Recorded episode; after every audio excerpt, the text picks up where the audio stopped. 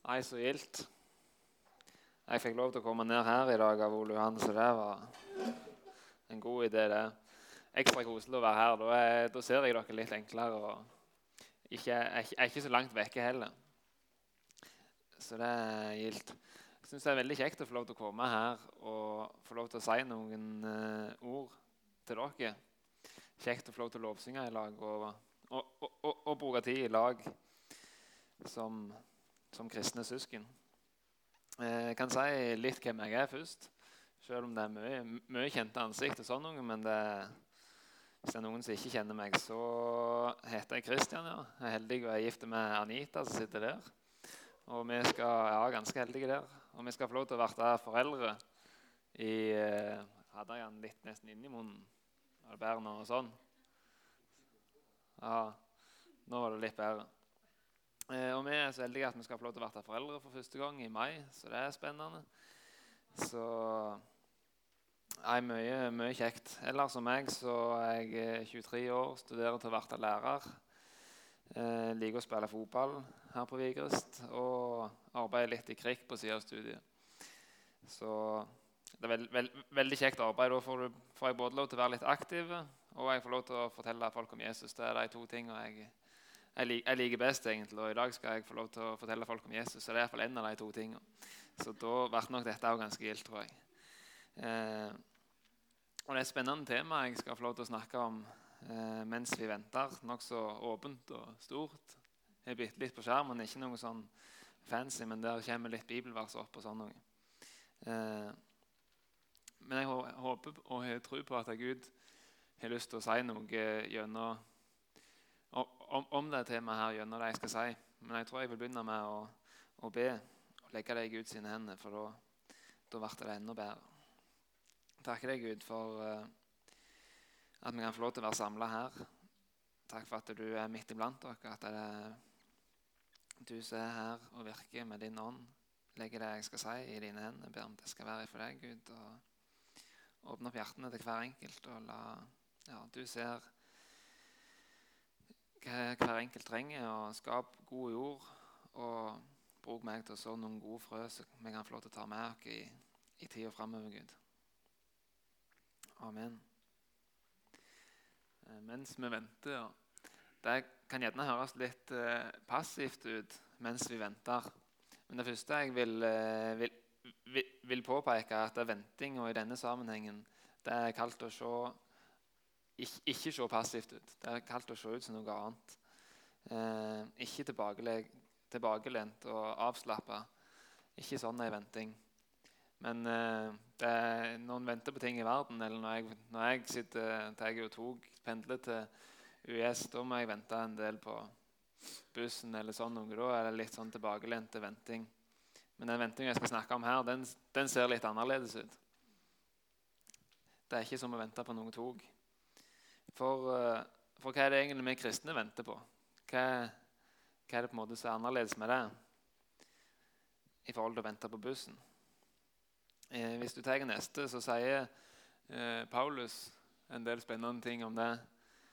Og i det øverste verset her, der skriver han, eh, det er nok noe av det siste Paulus skriver. Da sitter han i fengsel i Roma og ser at det går mot, går mot slutten for ham. Eh, og da sier Paulus dette her. Jeg har stridd den gode strid, fullført løpet og bevart troen. Nå ligger rettferdighetens seierskrans klar for meg. Den skal Herren, den rettferdige dommer, gi meg på den store dagen. Ja, ikke bare meg, men alle som med kjærlighet har ventet på at han skal komme. Så Paulus kjente det at han hadde standet i en kamp. Han hadde fullført et løp, og nå, i lag med de andre kristne, så venta han i kjærlighet på han skulle komme. Han venta på den seierskransen som han skulle få lov til å nå fram til. Eh, og, og, det venter vi jo også på i dag. Vi venter jo på at vi kan få lov til å nå fram til en seierskrans. At vi kan få lov til å Vi vet at Jesus skal komme og vinne den endelige seieren. Og Paulus sier også noe annet spennende som han skrev litt tidligere i brevet til filipperne. Da skrev han men vårt hjemland er i him nei, vi har vårt hjemland i himmelen. Derfra venter vi også Herren Jesus Kristus som frelser. Så Paulus han, han så fram mot en heimkomst til himmelen. Og han visste hva han, hva han så fram til. Han visste hvor han, hvor han hørte til. Men eh, så beskriver han litt mer av hva, hva, han på en måte kjente på i denne ventinga i, i, i det neste verset. For der skriver han eh, Jeg kjenner meg dratt til begge sider. Altså at han både begge sider, altså både at han hadde lyst til å være her på jorda, men også at han så fram til å komme opp til himmelen. For han skriver jeg har lyst til å bryte opp herfra og være med Kristus, for det er så mye bedre. Men av hensyn til dere er det mer nødvendig at jeg blir i kjødet, Altså at han ble værende på jorda. Så Paulus' i venting det gjorde han, langt, gjorde, gjorde han absolutt ikke passiv. At han lengta etter den seiersgrensen, at han så fram til heimlandet i himmelen. At han kjente på at han hadde lyst til å være med Jesus, for der kom det til å være bare godt. Men det gjorde han ikke passiv. For ja, det står ganske mye i Bibelen om alt det Paulus fikk lov til å være med på. Og han visste at eh, det han, eh, det han var med på, det, innebar å springe et løp, som han beskriver det som i starten. der. Å springe et, å springe et løp og stå gjennom en kamp. Og Han visste at Gud brukte han, og at det var godt for folk rundt han. Han sier jo det i det siste verset, at det var bedre for, han, bedre for folk rundt han at han ble værende litt til. Og samtidig så venta han og de andre kristne med kjærlighet, sånn som det står, på at Jesus skulle komme. Så ventinga den ga ikke passivitet, men den ga håp og kraft og mening til å fullføre livet sitt løp og til å stå gjennom den gode striden i lag med Jesus. Og Det har jeg lyst til at vi skal få lov til å ta tak i og ta med oss. Paulus' sin holdning til, til det vi venter på. At vi ikke venter sånn. For det føler jeg av og til at vi, det kjenner jeg i mitt liv òg. At av og til kan jeg vente sånn at det blir gildt når Jesus kommer igjen og, og ting blir godt. liksom. Og så og så sitter jeg Gjerne sitter jeg på misjonshuset, det er iallfall hakket bedre enn å sitte hjemme. Men gjerne sitter jeg bare sånn og venter på at Jesus Det blir, det blir godt når Jesus kommer igjen. Da ordner han det. Så. Men så vi ser Paulus han så ikke bare og, og, visste at han nå hadde han fått en himmelbillett og han kunne glede seg til seierskransen. Paulus var med på noe som Gud kalte han til. Var med på et, eh, ja, et løp, sånn som han beskriver det som. Eh, så jeg håper at den holdninga som Paulus er, kan få lov til å prege oss. Det strekker jeg meg etter. Jeg har lyst til å strekke meg etter det. At vi kan ha Paulus som forbilde i dette. Og et annet vers. Det er gjerne det neste bildet. Ja, det var det. Eh, et annet vers har jeg vært litt mindre på når jeg eh, tenkte på hva jeg skulle, skulle si.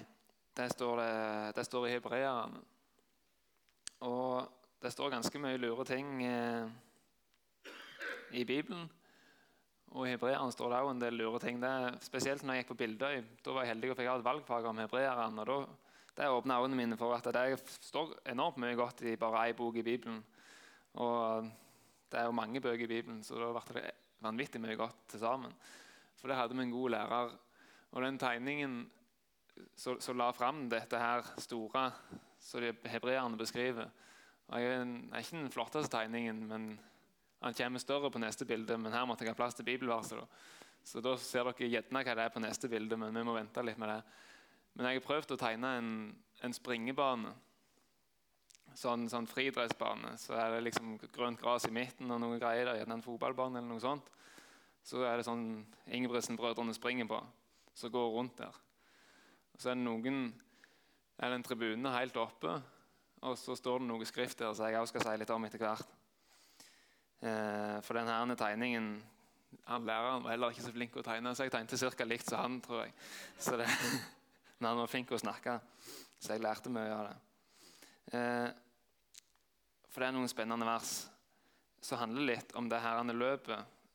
Det er ikke helt sikkert at Paulus skrev hebreerne, men det er iallfall litt snakk om det samme løpet som Paulus også snakker om av og til. Eh, som vi skal stå i som kristne, og hvilken holdning vi har til å, til å stå i det vi står, st står, i mens vi venter på denne, denne seierskansen som vi kan få lov til å eh, glede dere til. Så jeg, eh, jeg leser det som står her. Derfor, når vi har så stor en sky av vitner omkring oss han har nettopp snakket om alle de heltene i Gamle Testamentet, og det er de han snakker om her. De får lov til å være disse vitnene. Så når vi har de omkring oss, så la oss legge av alt som tynger. Bekymring, frykt eller hva det skal være. Alt som tynger. Er mye lettere å springe hvis du har lagt det av. Og synden som så lett fanger oss inn.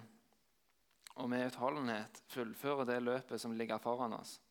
Med blikket festet på Han som er troens opphavsmann og fullender, Jesus. På tegningen så er det en som springer rett bak Jesus og ser kun på han. Sånn kan vi få lov til å være. Med blikket festet på han som er troens opphavsmann og fullender Jesus.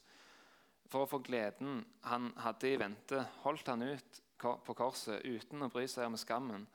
Og nå har han satt seg på høyre side av Guds trone. Ja, tenk på ham som holdt ut en slik motstand fra syndere, så dere ikke blir trette og motløse. Ganske mye innhold i disse versene, og de får fram det, mye av det store som Jesus har gjort for oss. og opphøye Jesus. Og det er tre, du kan ta nesten nå, for det er tre punkter jeg har lyst til å trekke fram ut fra disse versene. Jeg kunne ikke ha punkter og verser på likt, for da ble det for liten skrift. Men de som er ekstra lure, dere har Bibelen, så da kan dere ha verset framfor dere samtidig. så jeg sier disse punktene. For verset er egentlig enda bedre enn punkter, men jeg skal ta med dem òg. For uh, å ha litt kontroll på hvor lenge jeg snakker og sånn. For det første jeg vil trekke fram, det er disse trosheltene som det står om i Hebreerne 11, det kapittelet som er rett før disse versene. her. For der står det om uh, Moses og David og den gjengen som vi leser om i Gamle Testamentet. Og det står om hvordan de heller ut i trua på løftene som de har fått. Selv om mange av dem fikk jo aldri se at de løftene ble oppfylt. Men de gikk i tru. De fulgte Gud og gikk i tru på at Gud har lovt dette. Og det, det velger vi å tro på, selv om vi, det var mange av dem som aldri fikk se det. At det ble oppfylt. Eh, og På tegningen så ser, ser dere det står hebreerne 11 på sida av de tre folka på tribunen der. Eh, og det er ikke plent at de er tilskuere fordi om de står der på tribunen og, og jubler litt på den tegningen. For det, det står Bibelverset kaller de for vitner. Eh, for det at de i deres liv så sto de fast i trua, og de fullførte det løpet. Og deres liv får lov til å være noen vitner som vi kan, vi kan, se til og lære av hvordan, de, hvordan det så ut for dem, dette her løpet. som de allerede har fullført. Og som en eh, siste del av denne talen litt seinere vil jeg trekke fram historien om David og et par poeng der. For han kan være et godt vitne til hvordan hvordan det kan se ut. Og vi på en måte ting vi kan få lære ut fra de historiene som det står om der. Så vi kan la de som står på sidelinja der og heier på oss, vi kan la de inspirere oss. Vi kan la de historiene få lov til å være noe som er med og heier oss fram. Og det andre jeg vil trekke fram, det er et nokså nokså logisk poeng når det kommer til, her, til, det å springe et løp. Og det er på en måte ikke så avansert og vanskelig, men likevel så kjenner jeg sjøl at det ikke alltid er så enkelt å få til. Og det, det står jo at vi kan få legge av alt som tynger.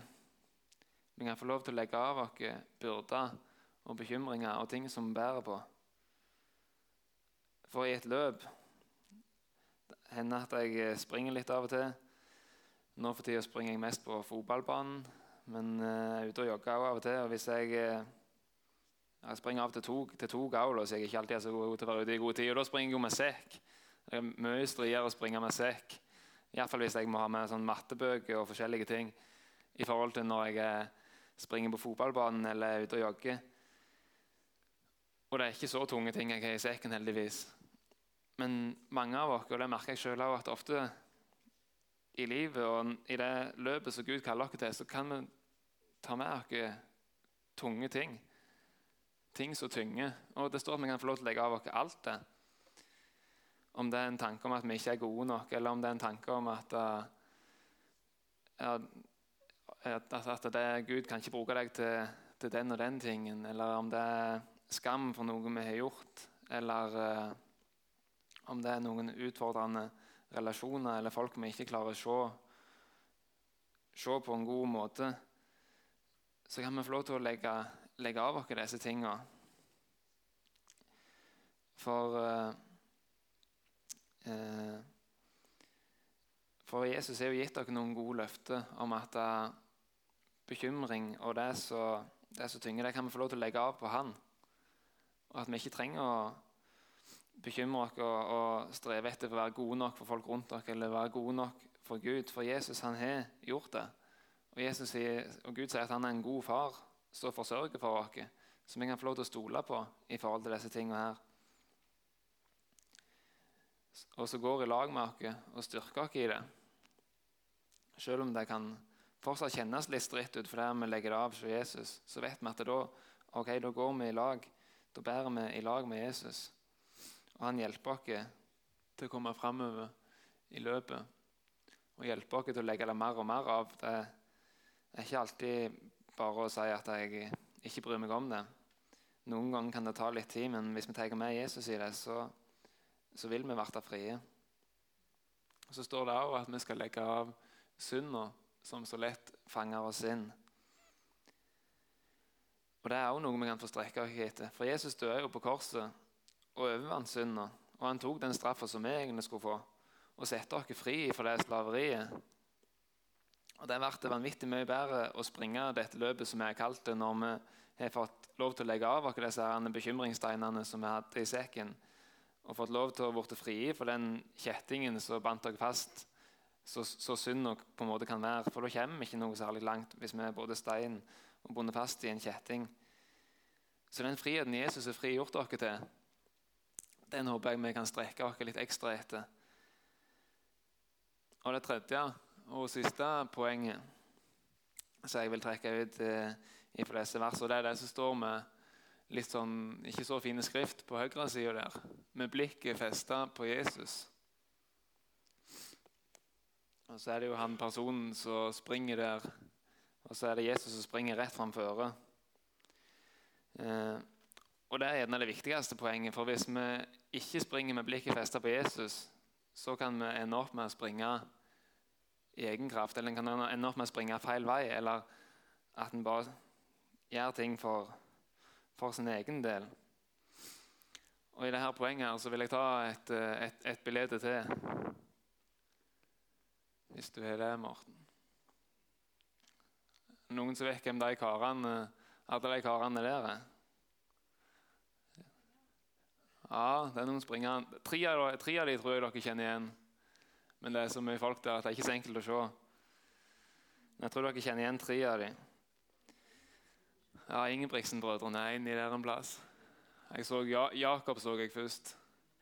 Uh, men det For det, det, det, det, det er det bildet av her.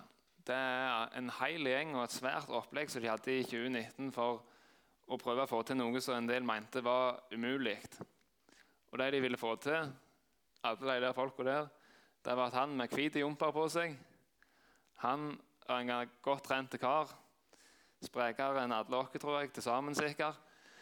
Og han, han hadde de et mål om kunne, at han skulle kunne springe maraton på under to timer. Der var det en del som trodde det kom, kom aldri til å gå for at mennesker skulle springe 42 km. Bitte litt over det på mindre enn to timer. Så de kalte det sånn 1.59 Challenge. kalte de det. Og I 2019 så Ingebrigtsen-brødrene de var jo selvsagt langt framme og hadde lyst til å være med på dette. her. Så han sprang i lag med sju stykker om gangen og sprang rundt han. Det er derfor de måtte være så mange, for de måtte jo bytte på det. For de var slitne. Men de sprang sju stykker rundt han på den måten der for at han, det skulle være minst mulig luftmotstand for han. For å gjøre løpet enklest mulig for han. Eh, hva var det han het? Kim Kipchoge het han. Og han klarte det i samarbeid med alle disse her andre karene. Og sikkert andre folk som kjørte biler og heide på og rigga til. Så klarte han Kipchoge å springe på 1.59,40. Så han klarte å springe 20 sekunder under to timer. Og det han trengte for å få det til, det var at han trengte å feste blikket på de som var framføre, og så holde farten. Og det, dere ser det er et grønt lys på det bildet til høyre der. Det var fordi jeg kjørte, kjørte en bil framføre med et kamera som var programmert til at de skulle ha et grønt lys framføre seg. Så hvis de sprang etter det grønne lyset, så klarte de ha helt jevn fart og springe sånn at de akkurat klarte det på under to timer. Så det, det grønne lyset gjorde at de folka som sprang framfor, kunne følge med på det og holde perfekt fart for han der Kipchoge. Så han bare kunne få lov til å springe og ha minst mulig luftmotstand. Og selv om det der er en ganske så så, så sprek gjeng og et godt opplegg som springer framfor og gjør løpet godt for han, så er vi så heldige at vi har en som har sprunget framfor og gjort løpet enklere for oss, som er enda bedre enn alle de der, faktisk. Og det er Jesus. Så jeg tror du kan ta tilbake til de, til de poengene som var på forrige. Ja. For Jesus han har sprunget framfor oss, sånn som på tegningen min så så vidt syne. Og det var jo mange som mente at det var umulig at han Kipchoge skulle klare å springe på under to timer. Men med gode, gode folk framfor seg så klarte han det som mange mente var umulig. Og Sånn kan det få lov til å være for oss òg. Jesus har lyst til å springe framfor oss. Og da kan vi klare ting som vi sjøl kan tenke at er umulig. Eller at vi alle klarer til å få til. For det er Jesus som springer framfor, og ikke at vi da skal stresse oss av gårde i et, i et, voldsomt løp, og at det skal bli et jag ut av det. Men vi kan få lov til å se på han. Poenget er at vi fester blikket på han. At vi har han framfor oss. Og så, Jesus, så, kjenner Jesus hver enkelt. Og han er en god hare, er det norske ordet for de som på en måte springer framfor og holder farten på en god måte. Så Jesus han er ekspert på å være en god hare i vårt liv. Han vet hva fart som er passelig for oss i de tingene vi går gjennom, hvis vi bare fester blikket på han. Så Noen ganger er det, er gjerne god glid. Det går, det går godt, og Jesus vil ha oss med på mye spennende. Men da må vi feste blikket på han, som har vært med på det. Hvis ikke så, hvis ikke så blir vi sittende og vente eller, eller, andre ting som kan forstyrre oss.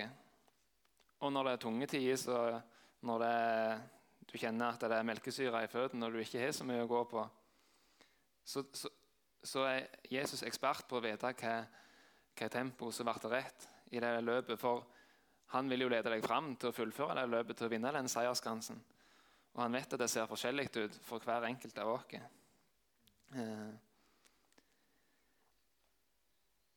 ja Så ventinga på at Jesus kommer igjen, og ventinga på denne seierskransen vi skal få den er ikke passiv, men den handler om å fullføre løpet med blikket festet på Jesus. ja.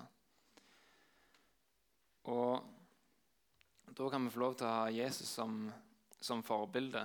For det hvordan, hvordan ser det ut å springe dette løpet? Hvordan ser det ut å ha blikket festet på Jesus? Det, det, vil jo være forskjellig for Gud å utruste hver enkelt av dere på, på gode, gode måter, men på forskjellige måter. Men Jesus sier bl.a. at vi er kalt til å være lys og salt i verden. Til å elske folk rundt dere og til å se dem sånn som Jesus ser dem. Og da må vi ha blikket festet på Jesus og springe i lag med han. Og Han kaller dere til å møte folk med hans kjærlighet. Og Gud kaller dere til å be for syke, til å komme med håp til folk som sliter, er det vanskelig. Til å hjelpe folk rundt dere. Og til å peke på Jesus med livet vårt og la han lede dere i hverdagen. Sånn at flere, enda flere kan få lov til å få et møte med han og få lov til å vinne den seierskransen. Så vi må hver enkelt søke, søke Gud og la han få lov til å vise oss hvordan, hvordan ser det ut å springe med, med, med blikket festet på deg, Jesus, hvordan ser det ut for meg? For det vil være forskjellig. Eh, som nevnt tidligere så vil jeg eh, til slutt si litt om David. Så gjerne hvis du går to hakk fram. Ja. For jeg, eh, det er mye, mye, mye, spennende i historien om David, så jeg kjente jeg hadde lyst til å ta med noe der òg. For eh, om hvordan han, hans liv var på en måte et av de vitnene som vi snakket om i det første verset, som vi kan få lov til å se på og så kan få lov til å heie oss fram, og vi kan få lov til å lære av.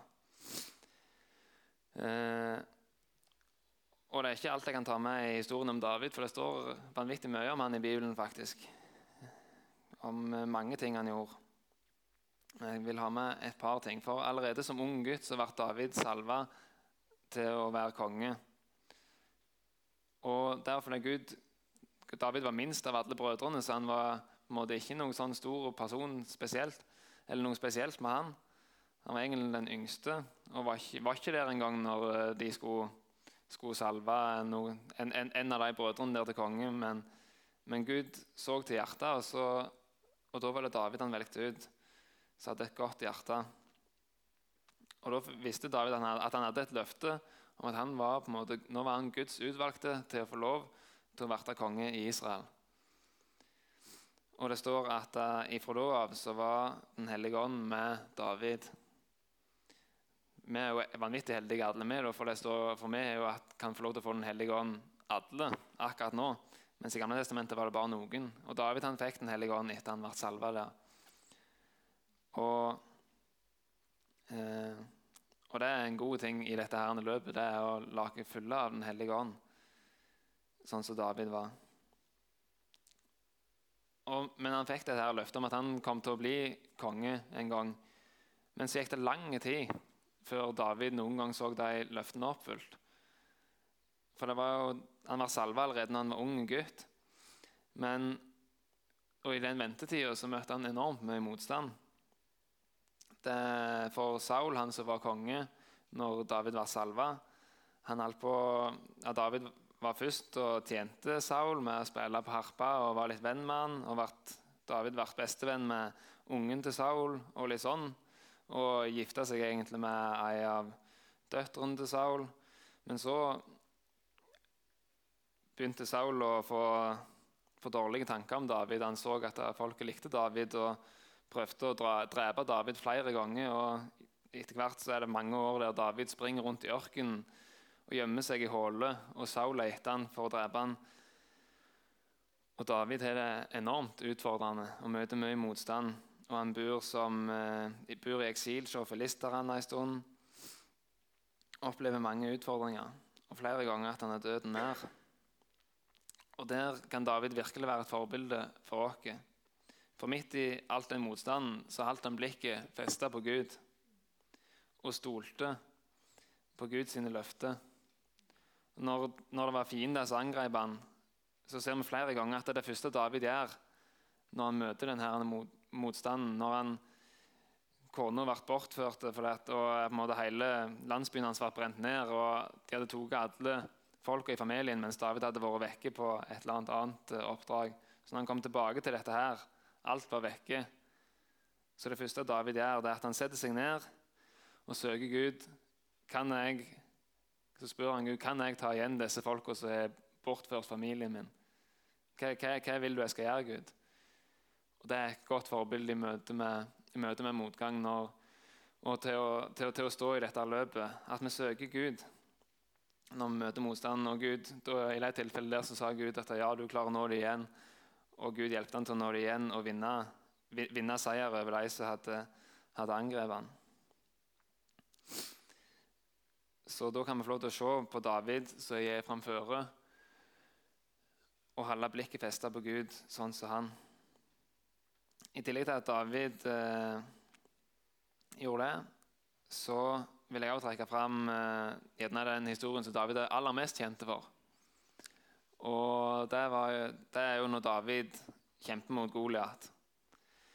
Og det er dere helt sikkert hørt en del om på søndagsskolen, at David eh, Goliat var den store kjempa som sto fram, spotta israelsfolka og sa er det noen av dere som tør å komme og slåss mot meg.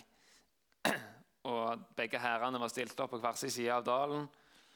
David, dette var etter David hadde blitt salva eh, til å kunne ha vært konge. Men han er fortsatt en ung gutt. Eh, og sånn som dere kanskje vet, så valgte David å gå fram og møte Goliat med denne med, med, med bare slynga si. Og det syns jeg er ganske, en ganske heftig historie. At David tør å gå fram på den måten der. Og Det var ei dame som fortalte Anita et kult bilde i forhold til dette her en gang. For det I forkant av denne kampen David skulle i, så snakker David David kommer til leiren. Han er egentlig bare en ungdom, han er ikke med i krigen. Han bare går og drøsler litt med folk. og så blir David overgitt av denne Goliat som står og mobber dem på andre sida der. Og han Goliat han er jo på en måte en uomskåren filister, sier David. Vi er jo Guds folk. David vet at Gud er jo med han, men Gud er ikke med den der eh, tre meter høye mannen. Og Det er ikke så mye å si at han er tre meter, for det er jo meg Gud er med, og Gud er ikke med han. Så David vet hva, løf, hva løftet som han hviler på. Men han går, kommer etter hvert til Saul, da, som var kongen. Og Saul sier du kan ikke slåss mot han, for du er bare en ungdom. Men David sier ja, men eh, jeg har slåss mot ulver og bjørner, og Gud har vært med meg til å felle dem. Og Gud vil gå med meg i møte med denne filisteren òg. Så jeg synes det er litt løye nesten at Saul lar han kjempe. Da, for hvis David tapte, så skulle hele Israel være slaver for filisterne. Men Saul ser gjerne at det er noe ekte i, i hjertet til David, at David stoler på Gud.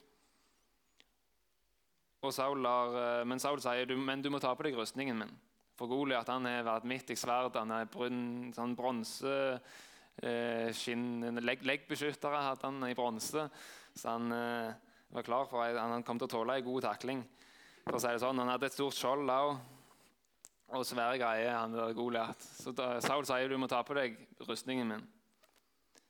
Og det som hun som ga det bildet til Anita, forklarer da, er at når David fikk på seg Saul sin rustning, og David var en liten gutt, så står det at David sier at han, han klarer ikke å gå. Han kommer seg ikke noen vei. Han kan, ikke, han, kan, han kan, ikke, fullføre løpet med denne rustningen på. David var ikke kalt til å være en soldat sånn som de andre og gå i kampen på den måten. Og David får lov til å ta av seg rustningen, og David får lov til å slåss som den han var. Og Sånn er det med dere òg. Vi må ikke prøve å ta på oss måte at jeg må være akkurat sånn som de som er flinke å lede lovsang, eller sånn som de som gjør de og de tingene. Men Gud har kalt dere til å, å utruste dere på forskjellige måter. Og David, og, og David visste det at uh, David var svak, men Gud var sterk. Så David kunne gå i møte med Goliat som den han var. Og Når han går fram med bare slynga og seg sjøl, og Goliat mobber han og sier du har aldri sjans mot meg, og ja, tror det ja, Han sier noen stygge ting til David. Jeg har glemt, og jeg tror ikke jeg skal lese det heller, hva han sier. Men David sier da at uh, du, Goliat, kommer mot meg med sverd og spyd, men jeg kommer mot deg med Gud, med Israel sin Gud. Han er med meg. Og David seirer over Goliat. Så Gud har lyst til å bruke dere med den utrustninga som han har gitt dere, eh, til å kunne nå nye, til å kunne være et vitne for Gud. Så til slutt så er det ei siste side så jeg har lyst til å oppsummere litt og eh, Ja. For eh, jeg håper at vi kan ta med oss noe og styrke oss ut ifra disse versene og ut ifra de tingene som jeg har sagt om at vi kan få lov til å ha vite at vi har en sånn sky av vitner. Vi kan få lov til å se på de som er framfor oss, både i Gamle testamentet, men også de som går framfor oss i forsamlinga, eller de som, de som vi ser at springer dette løpet, som vi òg får lov til å stå i. Og så vet vi at det ser forskjellig ut for, for den enkelte. Jeg vet at det, mitt løp vil ikke se, se likt ut som andre sitt, men vi kan få lov til å la oss inspirere av de som går framføre og baner vei. Og vite at de står og heier på oss som noen sånne gode vitner. Og vi kan også få lov til å legge av det som tynger. Gjerne bruke litt tid i lovsangen etterpå nå, hva, og spørre Gud hva, hva trenger jeg å legge av. Hva trenger jeg å bli fri fra? Og takke Gud for at han, han har gjort dere frie. Eller det, eller det tredje punktet, at vi kan få lov til å feste blikket på Jesus. Gjerne prøve å bruke litt tid i lovsangen etterpå nå og spørre Gud hva, hvordan ser det ut for meg å springe med blikket festet på deg. Hva, hva, ønsker du å gjøre i mitt liv? Og Bruk tid på å takke Gud for det Jesus har gjort. For at Jesus har klart å fullføre det løpet som vi ikke klarte i egen kraft. Og at Jesus er denne gode haren som springer framfor i perfekte fart og vet hvor veien skal gå. Og så ja, Enten dere bruker tid i lovsangen etterpå nå, eller når dere kommer hjem og spør, spør Gud, og prøv å lytte til han, for han har lyst til å ta dere med på mye spennende hvis vi fester blikket på han og blir med på det løpet. Og Jesus har lyst til å lede dere fram til denne seierskransen, som vi kan få lov til å vente på og strekke oss etter, sånn som Paulus eh, gjorde. Så jeg tror jeg bare ber litt eh, til slutt takker deg, eh, Gud, for det, for at du sendte Jesus, og for at han vant denne seieren som vi får lov til å ta del i. Og jeg legger, legger hver enkelt her i dine hender, Gud, og ber om at du skal vise hvordan det ser ut, og feste blikket på deg. Og vise hvordan det ser ut å legge av det som kan tynge. Vise hvordan det ser ut å kunne ha gode forbilder både i Bibelen og i folk rundt dere som kan få inspirere dere. Og takk for at jeg, å fullføre dette løpet det er ikke noe vi skal prestere, men vi hjelper dere til å feste blikket på deg og til å være med på det du har for oss i tida framover, både som forsamling og familie i lag. Eh, led dere i hvor vi skal gå da, Gud, men også hver enkelt i hver enkelt sin hverdag. Led dere i, i hva vi skal bruke tida vår på, og hva vi skal se rundt dere og ja, takk for at den gode utrustningen du har gitt til hver enkelt, hjelper oss til å ta på oss den utrustningen som du gir oss, og ikke den som noen andre har fått, Gud, men til å ja, iklaket din rustning, Gud, til å kunne stå sterke i det løpet som du leder oss i. Mm. Amen.